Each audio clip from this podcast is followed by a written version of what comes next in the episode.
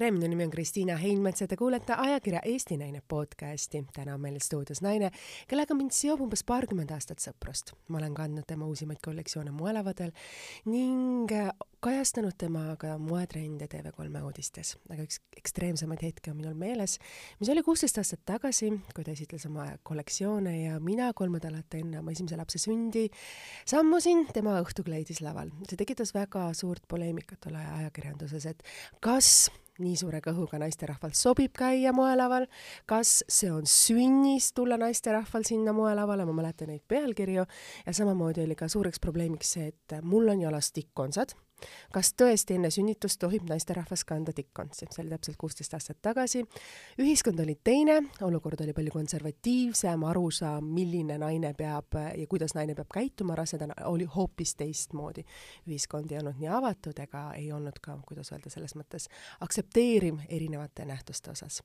aga see oli mõnes mõttes ka väga hea strateegia, sest neid kollektsioone esitatakse ju palju, aga leida sinna juurde selline väike i-täpiga detail, mis tekitab sinul kõneainet, formaat, mis teeb sind nähtavaks kõikide ajakirjade esikantel, see oli väga oskuslik. ma tean, et see naine on osanud veel mitmetel kordadel kasutada selliseid erinevaid marketingistrateegiaid, et tema kollektsioonid on pälvinud rohkem tähelepanu, nendest kirjutatakse mitte väga võib-olla nii palju, milline just see mood oli, vaid väga sellisest erinevatest detailidest, nii et ta on väga tark, ta on väga nutikas ja see, et ta on hea moedisainer, seda muidugi teavad kõik Eesti naised, kes on vähegi olnud vastuvõttudel ja pidanud tellima mõne imekauni õhtukleidi nii et tere tulemast stuudiosse, ühe tütre ema, abikaasa, omanimelise moebrändi ja moemaja omanik Oksana Tandit. tere hommikust! aitäh, Kristiin nii suurepärase sissejuhatuse eest, täiesti minu jaoks nagu täitsa, täitsa üllatav, et äh, nii ilusti minust räägivad naised. No selleks see saade ju on, et inspireerida teisi naisi, et nägema üksteises midagi head. väga hea, olen nõus, tegelikult ongi see naiste jõud ongi koostöös, ma arvan, ja, ja toetusest, et kui me toetame teineteist, siis me jõuame kaugemale. ja muudab see meie ühiskond vähem konservatiivsemaks äkki üks päev, kus on rohkem naisi kõikides valdkondades laval, jah, vaatame meie parlamendi ikkagi siiamaani see on teine pilt küll. aga ikkagi see trend, et naine võiks olla toetavam oma naiskolleegide ja naissõprade suhtes, toetavam just, see on väga oluline, ma arvan. sul on tütar ja. ja kuidas sa soovid oma tütart kasvatada, et sa esimese asjana mainisid seda, et naine peab olema toetavam, naine peab olema iseseisev, sina seda oled. et kuidas sa kasvatad oma tütart, et kui sa mõtled täna ühiskonda, et see ei ole enam niisama lihtne, siin on nii palju erinevaid reegleid, kuidas siis õpetada sellele tütrele, mis on õige? Tead äh,, hea küsimus, jah, mul on äh, fantastiline üheteistkümneaastane tütar. miks ma räägin fantastiline, see on, ta, on, ta ongi tegelikult, mulle tundub, et minust kaunim ja pikem ja ilusam ja targem ja tegelikult loodetavasti ka edukam kunagi.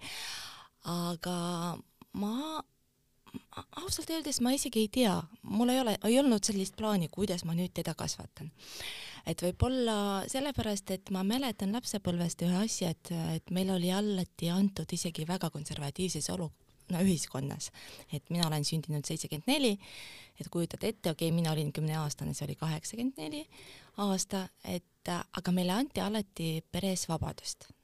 ja vot seda vabadust ise otsustada ja ise teha. ja ma arvan, see võib olla kõige nagu tähtsam kasvatusmeetod, et anna nagu oma lapsele või partnerile, kes on kõrval, seda vabadust. Ise olla ja ise otsustada ja ise teha. ja, ja võib-olla lugupidamisega suhtuda sellele austusse, mitte niimoodi, et alati kriitika, et kuule nii, nüüd sa teed nii, nüüd ma kasvatan sind nii, sa pead olema moedisainer näiteks. ei, ma üldse ei suru ja ei, ma lihtsalt pakun võimalusi, ma pakun talle erinevaid äh, teadmisi, et näiteks, mis on nagu elus võimalusi, aga ma arvan, et lapsed õpivad ju vaadates, mis toimub. Nad tegelikult kõige, kõige parem kasvatusviis on ikkagi see näidis, et noh, et nad, ta näeb väga hästi, kuidas ema käitub, mida ema teeb, mida isa teeb ja nad õpivad ainult, ainult niimoodi, okei okay,, sa võid nagu teoorias rääkida väga palju, vaata, kui tubli see naine on või vaata, kui, aga tegelikult ta näeb, et nagu minu peres et äh, hoopis teistmoodi miks nagu mind, minust oodatakse midagi midagi teistmoodi jälle jah. et ähm, olla eeskuju oma tütrele eeskuju. on suur eeskuju, no tegelikult isegi võib-olla see eeskuju, ma ütleme niimoodi jälle, et äh, selleks perfektsionismist, kui rääkida, et mina just arvan, et la perfezione non esiste, et mm. äh, see täiuslikkus ei eksisteeri ja me võime küll püüdleda näiteks olla parem kui eile, olla nagu ilusam või targem ja areneda, aga, aga mulle just meeldib see ebaperfektsus või mulle väga meeldib, sest see ongi loomulik osa, et just erinevus, et äh, ma mäletan lapsepõlvest Äh, ühte asja, et no okei okay,, tüdrukud vaatavad peeglisse ja noh, mulle see ei meeldi, mulle nina ei meeldi, mulle mingid silmad ei meeldi, ma ei tea. aga mul kuidagi seda ei olnud, sest no ema ütles, kuule vaata, kui huvitav sa oled või kui originaalne sa oled, oi sa oled teistmoodi ja vot võib-olla need toetavad äh, sõnumit vanemad, oi kui sa oled väga kaunis, sa oled äh, üks ja ainus. ja võib-olla just see nagu kõige tähtsam nagu sõnum, et äh, vanemate armastus, toetus ja see, et nad ütlesid sulle, et ma tõesti, ma olen nii kindel, et ma olen ilus. kes ütleb mulle, et ma pole ilus? ma olen ilus, vanemad ütlesid mulle ja ma usaldan neid.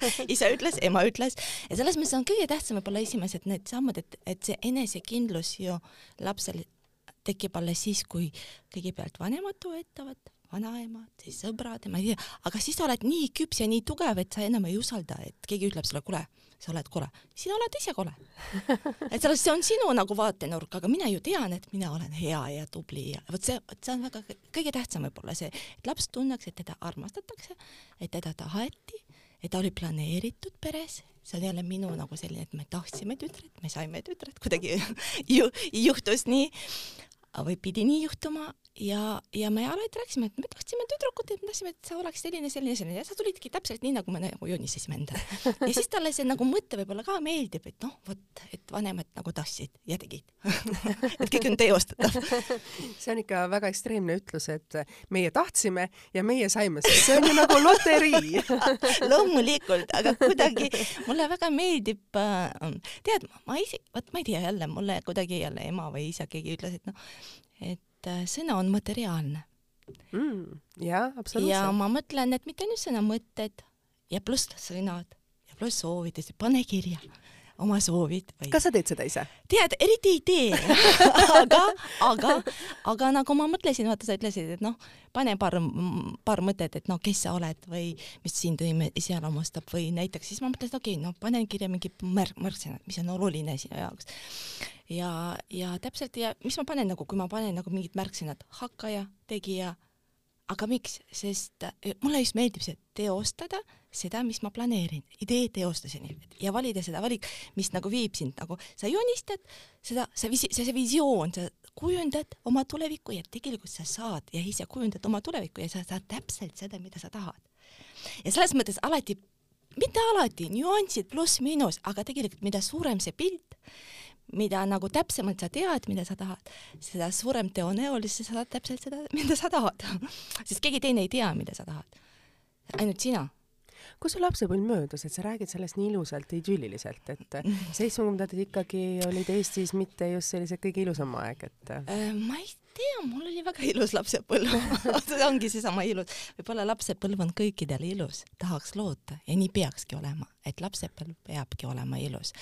ja mina olen sündinud Ukrainas, Karpatidest ja kümme aastat ma elasin Ukrainas, käisin Ukraina koolis esimeses klassis, ukraina keeles õppisin ja väga ilus loodus, meil oli oma maa, maja, suur-suur aed, kus olid pirnid kasvasid ja õunad ja ploomid ja hästi suur maatükk ja väga ilus loodus. ise ka käisin jahil, sest ta on mul jahimees.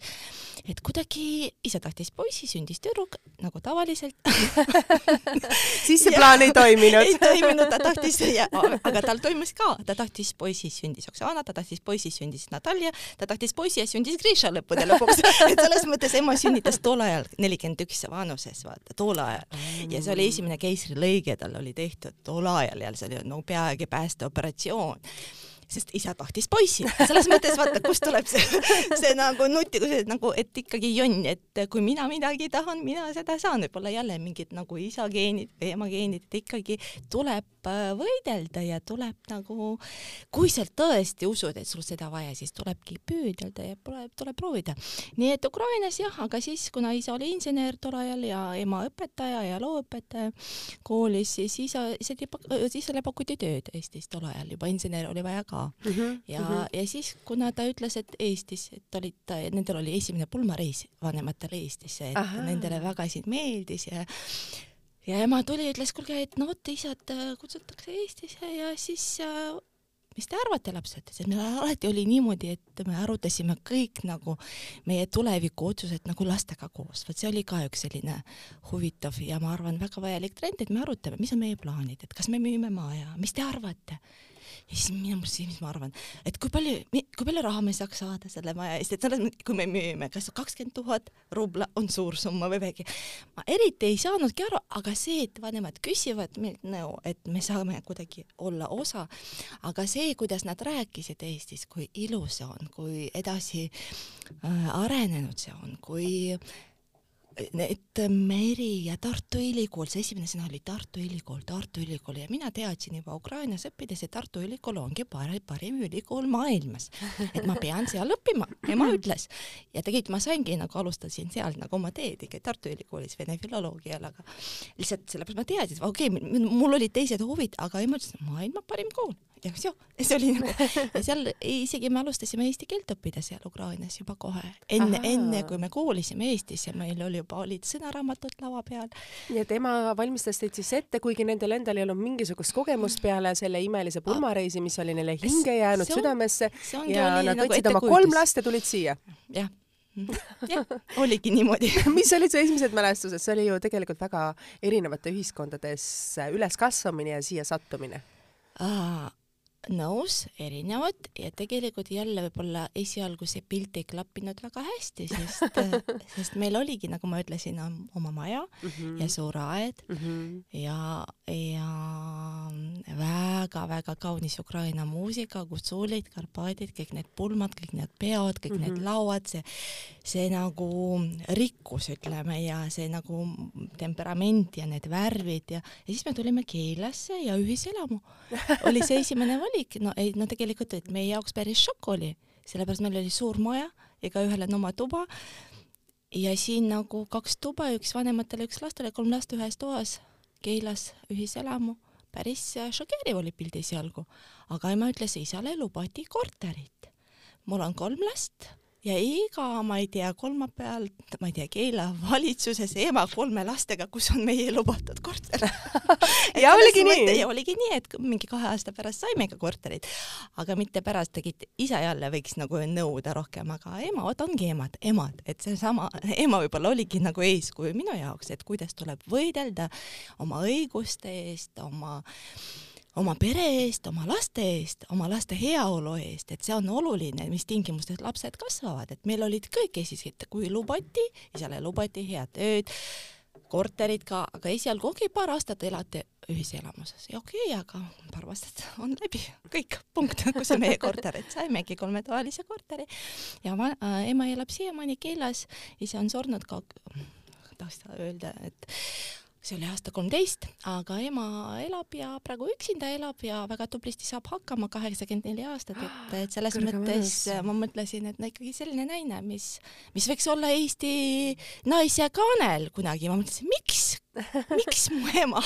Siin ei ole, okei okay,, Orlovat ma tunnen küll, aga, aga ma arvan, sellised naised, kes tõesti, kellel on suur perekond ja kellel just võib-olla seesama nagu mudel, et Äh, see eeskuju mudel või see naise mudel, et kes on see naine kangelane, et just see naine minu arust, kes nagu suudab äh, laveerida töö ja laste kasvatamise ja olla edukas ja olla äh, positiivne ja olla heas tujus ja just toetav, toetav, toetav, et vahet ei ole, mida sa teed, ema alati sind toetab, see on väga oluline mis on sinu mälestused siis äh, sellest pisikesest kohast, kuhu sa siis sattusid sellest äh, su-, täpselt Keilasse, et mis on sul nagu sellest, no ta on ju pisike koht ja sa tulid ju suurest kohast ja. ja laps ju ei, võib-olla ei assotsieeru neid kohe nimedega, vaid tema jaoks, et mul oli suur Aa, kodu, suur elamine, nüüd ma olen pisikeses kohas, et äh, kindlasti veel- kaks aastat ei olnud lihtsad. Äh, kaks või kolm, aga õppisin ma Keila koolis ikkagi, lõpetasin selle üheksa klassi ja siis äh, jälle ema valik ütles, kuulge nii, see tase ei ole nii hea, ikkagi Tallinna kooli tuleb, ema oli see meie ikkagi mootor ja, ja tank, ütleks tank, ema nimega tank. et ütles, et tuleb kooli vahetada ja tuleb eesti keelt paremini õppida ja nii ja naa, aga no ikkagi Keilas me päris kaua elasime ja, ja võib-olla, mis on väga hea obadus, et tegelikult iga linn, äh, et, ähm, et see võime leida positiivseid külge, pluss, pluss nagu tähendusega, et äh, aitab väga palju elus. et Keila ke,, lähedal on Keila joo või on suurepärane koht või Klooga rand, mere, tol ajal oli ikkagi, ikkagi rand ja meri, veel merd ei olnud ja see meri, ma olin tegelikult ja lähedal on Väänäisu ja Väänäisu rand, see on ju kõik pool tundi ju rongiga need kaunimad kõige Eesti kaunimad kohad Eestimaa rannad ju. et selles mm. -hmm. mõttes ma mõtlesin, tegelikult okei okay,, Keila on väike linn, jah, seal on nagu selline suht väike, et no võrreldes selle isegi külaga Ukrainast oli kuidagi väike ja võib-olla, võib-olla liiga hall, et tol ajal see ühiselamu oli liiga hall. et ei olnud seda kreatiivsust väga palju, sest nagu Eest-, no Ukrainas sa nägid hästi palju värve, et nagu need tikitud särgid jälle, kus see mood võib-olla, kus see inspiratsioon tuleb, et noh, hästi palju ütleme seda käsitööd sa oled näinud ja, ja värvis võib-olla nagu kes Setomaal kasvab ka, näeb natukene rohkem kui mingis klassikalises Kärdla või ma ei tea, või mis linna see võiks olla, et Keila linn, noh, väike linn, aga samas ta oli hästi puhas, et väga ilus park oli ja, ja tegid kool meil oli ka metsas ju. ja mis oli ka super äge, et noh, mets on ümber, miks min-, miks mitte, et, et me alati otsisime seda nagu head, mis on head, okei okay,, meil on suvi rannas, terve suvi rannas ja esimesed kleidid sai disainitud randa ju, et ja ikkagi lühikesed topid ja klošseelikud, seda, mis me võiksime teha just nagu ähm, ma mõtlen, kui ma olin nagu okei okay, neliteist aastat, ma juba tegin esimesed need seelikud. Ise õmblesid? ja, ja loomulikult, aga see kõik õmblesid ju tol ajal ise. muud varianti polnud. polnud muud varianti ja, ja ongi, tahad olla stiil, tahad olla teistsugune, tahad eristuda, sa pead nagu midagi ütlema ja, ja minu nagu, minu mis, mis meil oli valikuks nagu kangaid polnud, aga ema mul oli tegelikult selline väga trendikas naine, kes alati otsis ikka mingit põnevat, alati oli hea, hästi riides ja alati otsis mingid kontaktid kuskilt Kanadast, kes saatis talle mingi uut kangatükki või mingit uut parisaapaid. Ja siis tal olid hästi põnevad nagu materjalid ja kostüümid õmmeldud, ta alati õmbles endale ateljees ja mina olin ka väike ja mind ta ka tõi ateljeesse ja ma sain tellimuse peale õmmeldud nagu esimene minu esinduslik nagu kostüüm, hästi range, selline konservatiivne. ja, ja, ja siis, ja siis ongi lihtsalt, no ma ütleks niimoodi, et noh, sa, mul kuidagi see nagu moega see, see seos ikkagi tekkis siis võib-olla, sest esimeses ateljee külastuses, noh, nägin, et kui sa tahad stiilne olla, sul on see võimalus tellida endale mõttude järgi ateljees kleit või kostüüm. aga sa läksid õppima täiesti teist valdkonda, et sul nagu ütleme, ütleme see kõik see kreatiivsus tekkis seal Keilas ja nagu sa ütlesid, sa läksid õppima Tartu Ülikooli vene filoloogiat. jah, sest ma teadsin ju Ukrainas, et ma tulen Tartu Ülikooli midagi õppima, ma ei tea, mida. ja moekunsti seal ei õpetata? ja ma ei teadnud üldse, et selline moevaldkond üldse eksisteerib ja selline amet nagu moekunstnik ka eksisteerib. Ukrainas külas ma seda ei kuulnud. ma nägin äh, seal ühte filmi Anna Pavlovast, baleriinist, et see, Mhm. tema oli minu eeskuju, vot selline naine, ballett mind kuidagi haaras, et balletiga tahaks tegeleda hoopis. väga tahtsin ikkagi, unustasin, unistasin, et see ikkagi võiks olla minust nagu mingi tuntud baleriin, et siis sest ma mäletan, kui ema küsis nagu kolm last, et no kellega, kelle, kes sina tahad saada tulevikus või, või siis ma ütlesin ikkagi nagu, see ongi baleriiniks, kui- et Anna mul oli nagu mingi eeskuju, et ikkagi pigem nagu artist või kunstnik jah, minu jaoks nagu praegu ma saan aru sellest nagu selles mõttes laps ei tea veel, et ta tegi, nägi ühte filmi, mis inspireeris.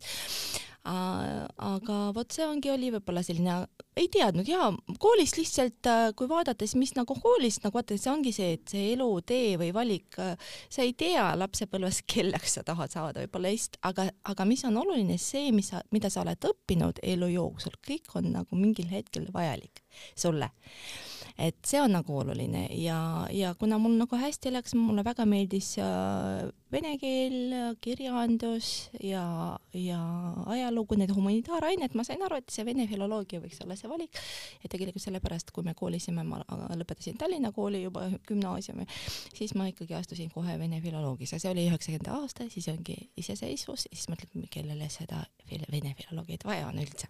aga, aga seal oli ladina keel näiteks mm -hmm, seal oli semiootika, seal oli mm -hmm. Lotman, Juri Lotman veel nagu paar aastat andis meile ja, ja sellised ained, mis ja tegelikult selline baas, üldine teadmiste baas, mis nagu terveks eluks nagu hoiab sind äh, tasemel, ma ütleks, et ma ei usu, et Tallinnas on mingi ülikool, mis annab seda baasi, mis me saime just nagu kakskümmend või kolmkümmend aastat tagasi, issand jumal. See oli ammu. Et, äh, et vene filoloogia, et ühesõnaga see kirjandus ja kirjandus ja seal oli ikkagi nii palju eesti kirjandust ja ma lugesin Tammsaret originaalis tol ajal vene filoloogina, sest eesti kirjandus oli sama oluline eesti kirjandus ja siis maailmakirjandus ja see ongi seesama baas, lihtsalt haritud inimene peab lugema palju raamatuid ja mina sain kahe aastaga sellise programmi, et opa. aga see tants ikkagi inspireeris edasi ja kolisin suure armastuse pärast Tallinna ja, ja koos, koos enda tulevase abikaasaga ja siis me nagu siis alustasime ikkagi, läksin peedosse ja ikkagi tantsu, tantsujuhtimine, see oli teine amet. Mida nagu jälle ma ei tagu, väga põnevad figuurid, väga tugevad, väga selge, selles mõttes ikkagi ma selle tantsu ja lavastus ja tants, see oli ikka samamoodi nagu minu jaoks oluline teema ja siis ma õppisin tantsujuhtimiseks ja ainult hiljem, hiljem, hiljem ma avastasin, et selline moedisaineri valdkond ka olemas ja selles mõttes see polnud kunagi unistus ja, ja tegelikult elu on nii huvitav. ja elu on nii lühike, et ma alati mõtlen, et kuidagi väga kurb, kui inimene terve elu tegeleb ühe asjaga. no näiteks, no näiteks on olemas näidis, et, et üks tüdruk töötab Eesti Televisioonis, ma tunnen teda kolmkümmend aastat. Aktuaalse Kaamera toimetaja, kolmkümmend aastat. ja siis ma mõtlesin, ta ei ole mitte midagi omas elu, kuidas on võimalik. et selles mõttes ma arvan, et kui sa arened, kui sul on, no võib-olla see ongi sama riskiga küsimus, sa pead alati riski võtma, kui sa midagi muudad oma elus, on ju? Sa oled ju ukrainlanna, ilmselgelt on sinu veri hoopis teistmoodi kui meie eestlaste oma. me eestlased oleme pigem vaiksed, rahulikud, saame omale hea töö, siis me olemegi sellega rahul, et me nagu ei oska rohkem tahta või rohkem mõelda, et noh, kuna sina olid juba lapsepõlves sellised, kuidas öelda, hüpped teinud, hüppeid teinud, et oma sellises, kuidas öeldakse, ingliskeelset terminit kasutame siis oma mugavustsoonist või comfort zone'ist, mugavustsoonist välja tulnud nii mitu korda mm, -hmm. siis sinu jaoks oli võib-olla see normaalsus, üks osa elust, et no nüüd ma tahan midagi muud, ma nüüd hüppan teise ja, kohta, kuna võib-olla ka sa ütlesid, su ema oli see, kes sind inspireeris seda tegema ja võtma elus vastu otsuseid mm -hmm. ja riskima, sest noh, nemad ju riskisid, riskisid perekonnana kõigi oma kolme lastega, lapsega tulles Eestisse ja võitlesid, nagu sa ja, rääkisid, et ja, see oli kindlasti ja. omamoodi kõrvalt vaadates väikese lapsena midagi, mis oli väga suur eeskuju. võib-olla võib-olla no selles mõttes täpselt võib-olla ma, ma ei tea, millest see sõltub just see nagu riski valmi-, valmisolek riskima või riski võtta. aga võib-olla minu puhul loeb see, et ma olingi alati loov ja mulle meeldis luua jälle seda keskkonda või seda, seda pildi, mis mulle meeldiks, vaata, see ongi see, et sa ise lood ju selle pildi, mulle väga meeldib see mõte, et ma loon seda, mida ma tahan, et ma loon endale nagu töökohta, ma loon endale sõpruskonda, ma loon endale ja ma loon tegelikult sama oma valikutega, ma loon ka tulevikku, et enda tulevikku ja lähedast, lähedaste tulevikku, et äh, mulle just meeldib see loovus, vahet ei ole, mida sa teed, et äh, kas sa oled äh, väga hea õpetaja, koolis näiteks, kui ma mõtlen, et kui mina nagu lõpetaks nagu seda Tartu Ülikooli, ma ei ole lõpetanud tol ajal seda, sest ma tegin, ma ei näinud, et vajadust just vene filoloogiast väga, et mulle tundus, et no mõttetu ala sel ajal, tol ajal, no üheksakümnendad ja et üldse, üldse polnud kuidagi aktuaalne. aga ma arvan, et ma, ma võiks olla väga hea vene keele õpetaja kui ma lõpetaks ja kui ma jätkaks võib-olla õpinguid ja, ja mida ma praegu näen, et koolis ongi vaja rohkem neid loo, loovõpetajaid et kes nagu, kes armastavad oma ala, vahet ei ole, mida sa teed, ma ütleksin, et sa, sa võid olla filoloog, kirjutada raamatuid, olla õpetaja, sa võid olla nagu tantsuõpetaja äh,, lavastuste looja. mida sa mäletad ka... sellest tantsujuhtimise alast, et me, kui sa hakkasid ka just praegu mhm. tantsust rääkima, mida sa mäletad sellest ülikoolis, kui sa õppisid tantsujuhtimist, kas sa lõpetasid? samamoodi kaks aastat, niikaua kui ma, ma ei tea, kui ongi mm -hmm. surnud tol ajal ka samal ajal, kaks, kaks, kolm, kaks-kolm aastat, äh, ma samamoodi Tartus ma õppisin kolm aastat, siis ma pedagoogiaülikoolis õppisin kolm mida aastat. mida sa õppisid seal, kas õppisid täpselt tantsujuhtimist või sa õppisid mingit spetsiifilist? seal oli väga palju jälle aineid, seal oli nii näitlejameisterlikkus mm -hmm, kui täpselt. ka grimm, kui ka klassikaline tants, modernne rahvatants, Eesti rahvatants, et mul olid kõik need asjad väga hästi tehtud ja ma õppisin alati väga hästi, mul olid ainult viied. aga mul polnud seda eesmärki kunagi just selle diplomi pärast õppida võib-olla või just lõpetada, sellepärast et mm -hmm. tuleb lõpetada selleks, et saada head tööd, nagu sa ütlesid mm, -hmm. nagu tavalised inimesed mõtlevad, et ja, tuleb õpingud selleks lõpetada, et sa saad diplomi ja diplomid ja mul ma kuidagi polnud seda noh, see sisemine tunne, et ma ei vaja seda. ma õpin täpselt nii kaua, kui, kui mind see huvitab. Ja ma ei tea, kooli, koolis see õppejõud, mis mind huvitas. Isiklikult. Mm, -hmm. kui koolis on kaks-kolm isiksust, kelle pärast tasub koolis käia, siis tasub koolis käia kui ei ole, siis enam ei huvita. ja Aga... täpselt, sa õpid nii kaua, kui sa näed, et sa midagi saad ja õpid. ja edasi ma, mulle tundub, et ma juba kõike oskan, mis mul vaja on see ongi selline, ma juba tean, ma juba oskan. kas sa võib-olla, kas sa mhm. lavastasid sellel ajal, ma tean, et äh, mul on tuttavad, kes on õppinud seal lavakunstikateedris mm, -hmm. et äh, nad on ka lavastanud selliseid mm -hmm. tantsushowsid, asju, kas sa juba seda oled teinud? siiamaani lavastavad ja siiamaani väga andekad. kas sa oled ise ka lavastanud? olen lavastanud, aga olen lavastanud alati, vaata, kuna mul on selline ettevõtla, ettevõtja nagu sees ikkagi hinge võib-olla, ma olen ettevõtlik inimene, üldse vahet mm -hmm. ei ole, mhm. mida ma teen ja ma tol ajal juba esimesel, teisel kursusel juba avasin oma kooli, samamoodi tantsukooli ja juba andsin tunde väikestele. samamoodi, et tol, see, see oli huvitav ja mul oli väga nagu just nagu jagada oma kogemust ja just võib-olla see, et ma nägin oma ema õpetajana ja käisin temaga koolis ja vaatasin, kuidas tema õpetab. see tegelikult õpetaja amet, no ma mõtlen, et tegelikult ongi, ongi aeg varsti moekooli avada, selles mõttes, et mulle väga meeldib jagada oma kogemusi ja ma näen, ma olen väga analüütilise ähm, mõtteviisiga võib-olla ma alati analüüsin ja vaatan, mis on hästi, mis on halb, kus on plussid, kus on miinus, kuidas saavutada seda, kuida-, et selles mõttes mulle tundub, et nagu ma võin väga ilusasti seda skeemi nagu äh,, vahet ei ole, mida sa õpid jälle, et selgitada teistele just. ja, ja oli nagu tore ja pluss ma nagu lavastasin nagu väga iseseisvalt Vene teatris, mis ma lavastan nagu oli, ma mäletan äh, äh, Louis Armstrong sada aastat, et ma mõtlesin, ma teen väga suurejoonelise kontserdi, ma kutsun, ma ikkagi niimoodi, et rendin saali tol ajal jälle mingi aasta oli kaks tuhat, natukene varem. et äh, lavastus äh,, tüdrukud, ballett, orkester, et see just organisatiivne, see oli nagu võib-olla isalt poolt, et see organisatiivne, nagu ma ütlen, organisatoorsed nagu neid ähm, anded, mis tegelikult tulid, et ma väga hästi nagu sain nagu hakkama, mul oli suurepärane kontsert, selles mõttes ma ikkagi tegin nagu seda lavastusena ja produtseerimist, mitte ainult lavastada kellelgi jaoks mm, -hmm. ma mhm. lavastasin enda jaoks, tegin mm -hmm. oma show, müüsin oma show et selles mõttes ongi niimoodi, et ma kunagi ei tahtnud kuskilt kellele jaoks midagi võib-olla teha kõik Tahtsid on minu, minu, minu maailm, see ongi iseseisvus, vot. et kui sa ütlesid, et need, äh, pane need äh, märksõnad, see iseseisvus oli, iseseisvusvabadus ja iseseisvus, iseseisvus. aga mida iseseisvus, ise, ise, ise, ise, ise, ise, ise. ja, ja täpselt ise, ise, ise. et äh, sest ma saan hakkama, sest ma oskan, milleks mul vaja teist aga mida vanem sa saad, võib-olla see ongi elu jooksul, sa õpid, et see iseseisvus tegelikult ähm, äh, iseseisvus, et võib-olla ikkagi vot sa vajad ka nagu tuge mm -hmm. ja toetust, et tore olla iseseisev mm, -hmm. aga mhm. tore, kui sul on olemas see partner, keegi kõrval, keegi kõrval, see partner, kes toetab või kes usub, aga see just toetus, et no see iseseisvus ka ei saa olla nagu täitsa vabal pinnal, täpselt siin on vaja seda meeskonda. Ja vot see meeskond, et me kõik toetame teineteist, et mitte midagi ei eksisteeri nagu lihtsalt niisama ja ja vot juhtus, ei ikkagi, ikkagi toetus. Ja see toetus ongi, mul oli nagu selline pere, pere ongi selline pere, kes toetas, armastus, mees, kes toetas, ongi kas mõnikord lihtsalt sõnumiga või, või nagu oma ajaga või, või vahet ei ole, lihtsalt, aga nad olid alati olemas minu jaoks sa tunned, sa tead, et keegi on sinu jaoks olemas ja mis iganes ei ole, kui sa kukud, siis Äh, sul pannakse alati tead, see rätik just- alla, pehme rätik alla, et sa Ähm, tead, et sa täpselt. saad seda endale Äh, ma arvan, see lubada. on kõige tähtsam, tähtsam, kõige tähtsam nagu üldse nagu teadus inimeste jaoks. et eriti tänapäeval, et kui nagu selles ebastabiilses maailmas mm, Mhm. tegelikult sa ei tea, keegi ei tea, mis on homme. Aga justkui nagu mingi kriis, midagi on keerulist, et midagi, no tegelikult me elasime kõik neid kriisid üle, nii, nii palju kriise oli olnud ikkagi isegi meie meil et äh, aga sul on alati olnud perekond, et see perekond tegelikult, mis on nagu oluline, et noh, mis on oluline, kas eluline, oluline on olla edukas, kas oluline nagu teha karjääri, kas oluline rikkaks saada, kas oluline, ma ei tea, lõppude lõpuks kõige olulisem seesama perekond.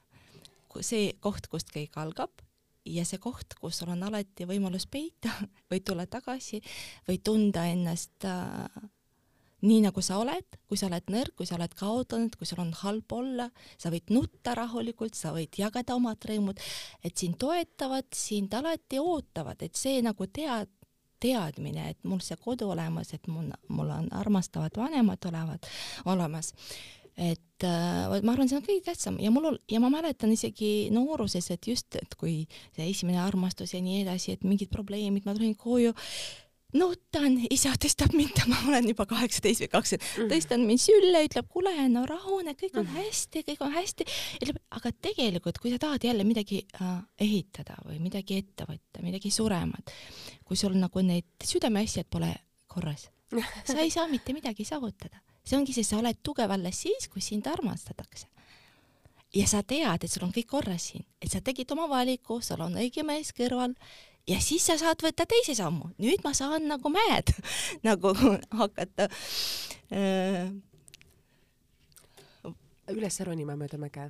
no põhimõtteliselt või aga see on väga ilusti öeldud, et äh, sa oled tugev, kui sind armastatakse. sa oled tugev, kui sind armastatakse, sa oled tugev siis, kui sind toetatakse, et selles mõttes et tahaks küll olla inspireeriv. aga kust sa seda inspiratsiooni ise leiad? sest äh, sa pead ka, vot see ongi seesama nagu tegelikult ongi see nagu dialoog alati, sa ei saa olla tugev, kui sul ei ole mingit nagu seesama mingi baas ja see baas ongi armastus ja lõppude lõpus ongi armastus. kui sul see olemas, sa saad absoluutselt kõigega hakkama. Et põhimõtteliselt ja, ja soovitavalt loomulikult mõlemate vanemate ja mitte ainult vanemate, hiljem on ka nagu äh, meeste, naiste vahet ei ole, aga, aga see armastus, et sa tead, et sind armastatakse, sind toetatakse, sind usaldatakse ja see on selline mootor, mis tegelikult sa võid kõike teha. ei ole üldse nagu absoluutselt, sest sa, sa ei karda midagi ja vot see on väga tähtis, et sa ei karda, sa ei karda riskida, sa ei karda äh, vastutust enda peale võtta, sa ei karda eksida, mis on kõige tähtsam, no me kõik eksime, vot kõik absoluutselt. Ja see on, see on inimlik, okei okay,, tee oma järeldusi, hopsti ja edasi.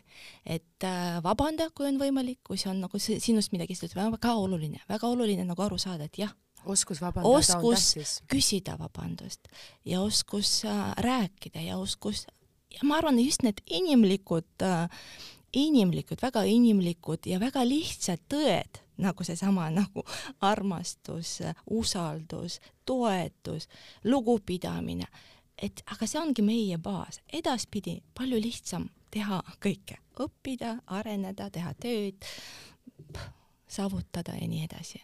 Aga kõige tähtsam jälle, tuled ju koju, jälle tuled ju koju, kas sa oled üksi seal või sind ootab keegi sind või ei oota, miks ei oota, mida sa tegid valesti. Ja see ongi selline teema, et noh, ja tegelikult äh, ma arvan, et tänapäeval ongi noored lihtsalt väga-väga kergekäeliselt nagu annavad alla.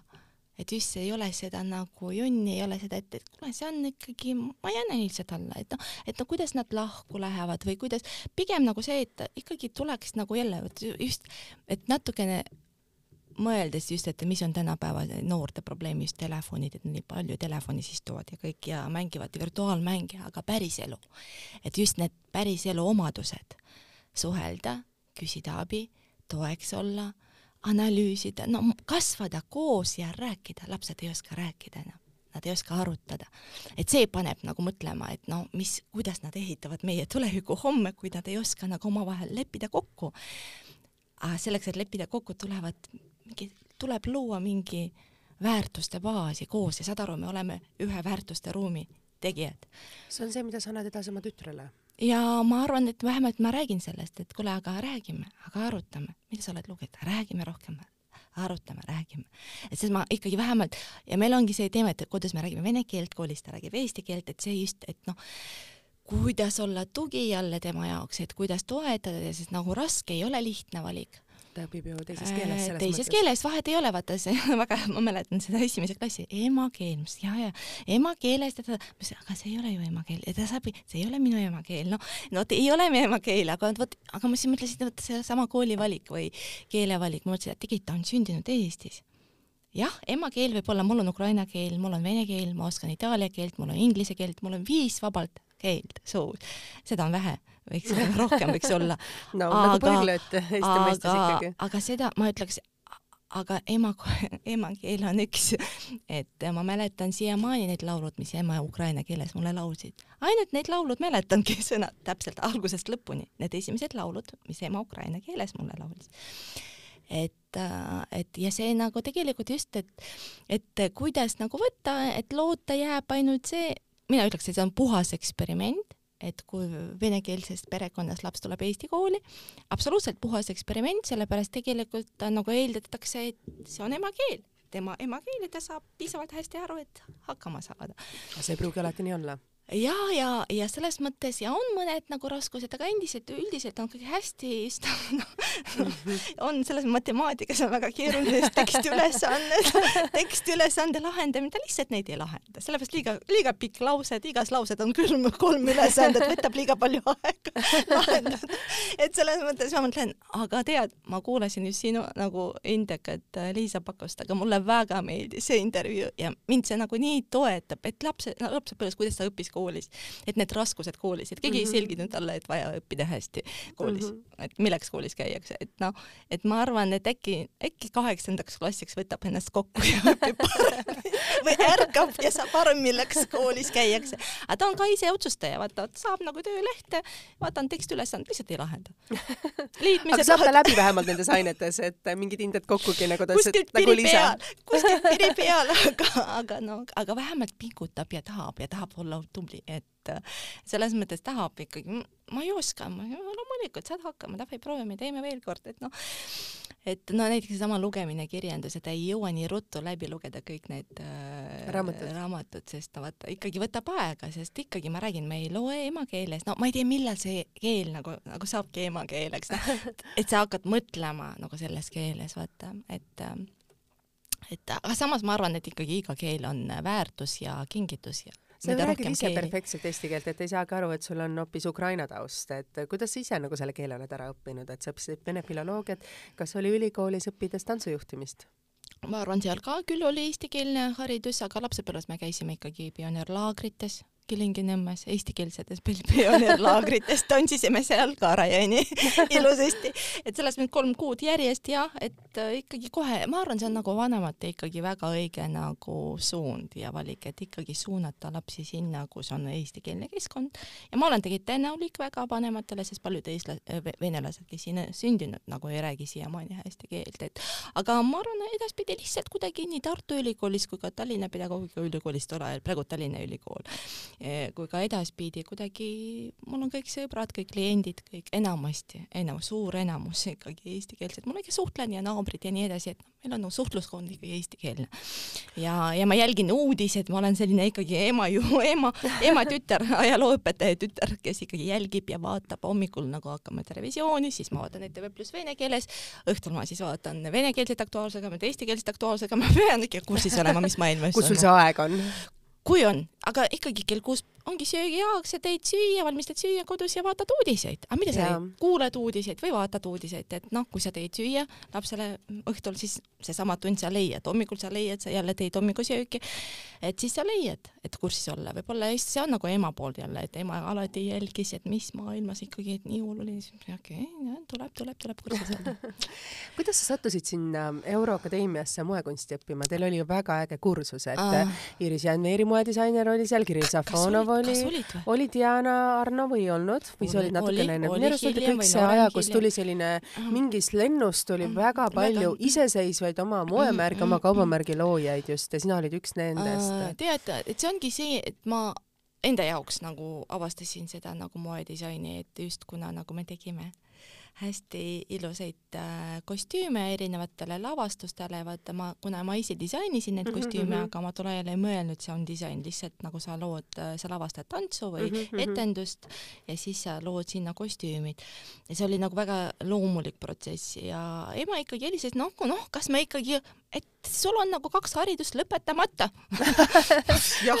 Et tuleb ikkagi, no mida sa, no tuleb ikkagi midagi leida, mis mind huvitab, aga siis ma mõtlesin, aga ma nagu joonistan neid kostüüme, et mis asi see on, ongi moedisain, kakskümmend seitse aastat. selles mõttes, et äh, no moedisain võiks olla EKA, aga see on juba september vist oli, okei okay,, EKA kursused või mingi suur konkurss, mul juba nagu kaks pool kõrgharidust olemas, alustada täitsa nullist suure konkursiga, keeruline, mis on alternatiiv? Oli, aga ainuke kool, mis oli alternatiivkool.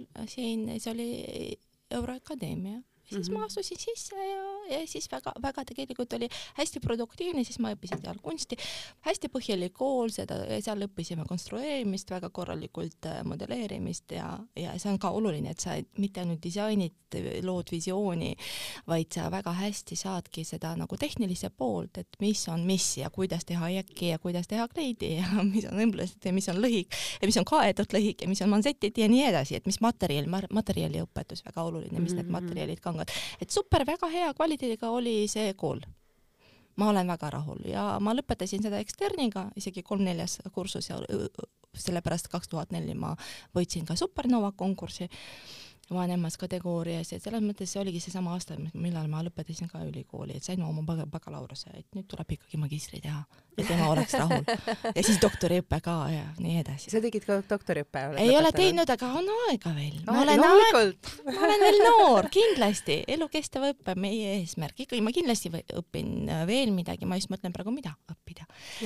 et sa ähm, oled ju, kui sa lõid oma moemaja, et see oli ikkagi ettevõtlus ja kõik need asjad, kõik see pagas, mis sul eelnevalt oli, selle kokkupanek ja sa oma moeetendustes kasutad väga palju just selliseid tantsulisi lavastusi mm -hmm. siiamaani, et ka see on sul see, mis ma ütlesin, ka see erilisus, mis sul alati välja paistab ja sind äh, esile toob teistest võib-olla see, et, et kui nagu välismaal paljud disainerid kasutavad stilisti, lavastaja, ma ei tea, kes produtsendi abi, siis mul pole vaja seda kõike, ma oskan. selles mõttes, et küll oleks vaja, kui sul on eelarve, siis hea meelega kasutaks äh, ja seda abi.